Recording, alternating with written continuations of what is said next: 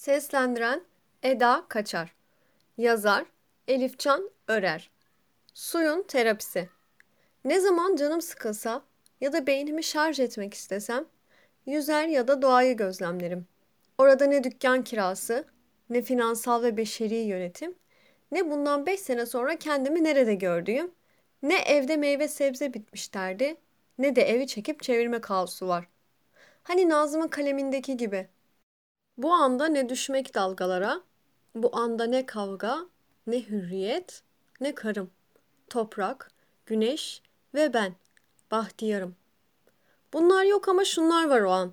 Balıklarla kazların uyum içinde yaşadığını görmek, kaplumbağa dayının etliye sütlüye bulaşmadan yanlarından usulca geçtiğini görmek, kaplumbağa bile kendini biliyor azizim. Hepsinin de birer gurme olması ve herkesin nasibinde illaki birer lokma düşeceğini bilerek sırasını beklemesi. Kaplumbağanın yetişemeyince yakalayamadık be kardeşim. Kızın dönüp de balığa bu lokma benim de sen daha şimdi karpuz yedin dememesi var. Bütün bunları izlerken insan olmanın çok da gurur verici bir şey olmadığını, şu küçücük yol arkadaşlarından öğrenecek çok şey olduğunu fark etmek var. Bu sudaki balık bile eminim ki oh be yangın bize uğramıyor nasıl olsa rahatız demiyordur. Biliyorum ki kapının önünde susuzluktan bir tap düşmüş Tekir, şu üç güzel kızın kalbindedir.